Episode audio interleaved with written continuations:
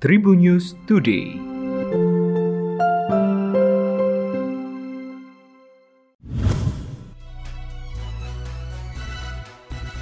Halo Tribuners, berjumpa kembali bersama Memes. Memes akan berbagi informasi untuk kamu dimulai dari berita nasional. Peringatan seribu hari wafatnya Presiden RI ketiga B.J. Habibie digelar di Auditorium Perpustakaan Nasional Perpusnas pada Sabtu 25 Juni 2022. Sejumlah tokoh pun hadir dalam acara tersebut dan salah satunya adalah Menteri Keuangan Sri Mulyani dan mantan Wakil Presiden Budiono. Dalam acara tersebut Sri Mulyani mengungkapkan kekaguman terhadap Habibie dan menganggap ia telah meninggalkan warisan yang luar biasa. Pernyataan Sri Mulyani terkait legasi yaitu ekonomi Indonesia dapat diarahkan oleh Habibie sehingga bisa bangkit dari krisis.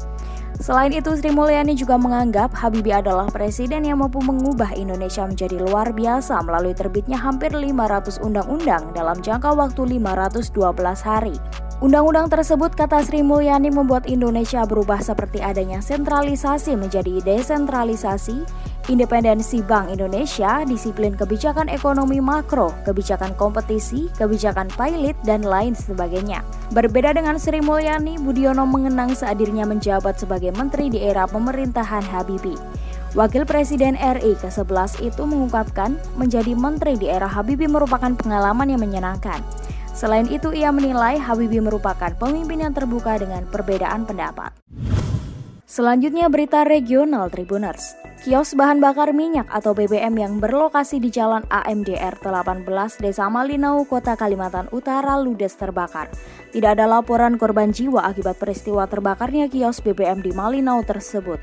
Namun kerugian dari terbakarnya kios BBM di Malinau pada Sabtu 25 Juni itu ditaksir mencapai ratusan juta rupiah. Pada proses pemadaman, seorang petugas damkar sempat pingsan karena kelelahan berjibaku dengan si jago merah. Bahkan petugas damkar memadamkan api menggunakan pasir. Kebakaran di Malinau yang menghanguskan kios BBM bahan bakar minyak di RT 8 Malinau Kota sempat membuat kewalahan petugas pemadam kebakaran. Sebagian besar material yang terbakar merupakan drum penyimpanan BBM berjenis solar dan pertalite. Api dengan cepat menyebar dan sulit dikendalikan oleh petugas pemadam kebakaran Pemkat Malinau. Sebanyak 60 personel petugas pemadam kebakaran dikerahkan untuk mengendalikan si jago merah. Selanjutnya berita selebriti Tribuners. Mantan asisten pribadi Hotman Paris, Iklim Hakim disomasi Rasman Arif Nasution usai memecatnya jadi kuasa hukum. Iklima disomasi Rasman Nasution usai memutuskan mundur diri sebagai klien dari Rasman Arif Nasution pada 16 Juni 2022. Ia menjelaskan jika Iklima resmi memecat Rasman pada 16 Juni 2022. Pada tanggal yang sama, Iklim Hakim mendapat somasi dari Rasman Nasution. Abdul menerangkan jika somasi tersebut berisi adanya keberatan dari Rasman Nasution yang menyebut jika Iklim Hakim memutus penyabutan kerjasama sebagai kuasa hukum secara sepihak.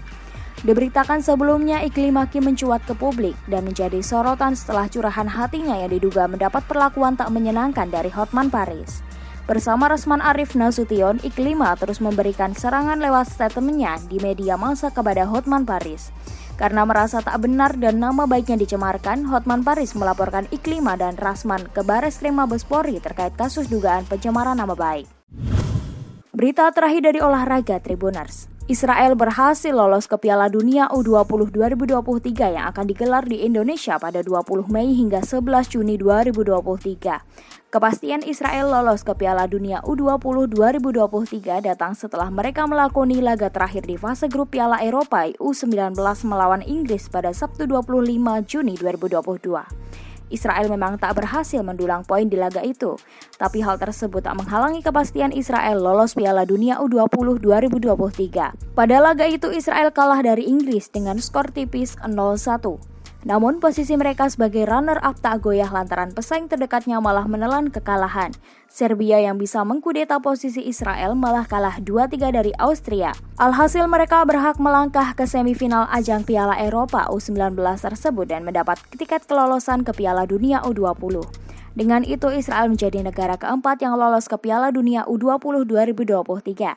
Sebelum mereka ada Italia, Prancis, dan Inggris yang sudah memastikan langkah dari jalur turnamen yang sama. Demikian tadi empat informasi terkini yang menarik untuk kamu ketahui. Jangan lupa untuk terus mendengarkan Tribun News Today hanya di Tribun News Podcast, Spotify, dan YouTube channel tribunnews.com. Memas pamit, sampai jumpa. Tribun News Today.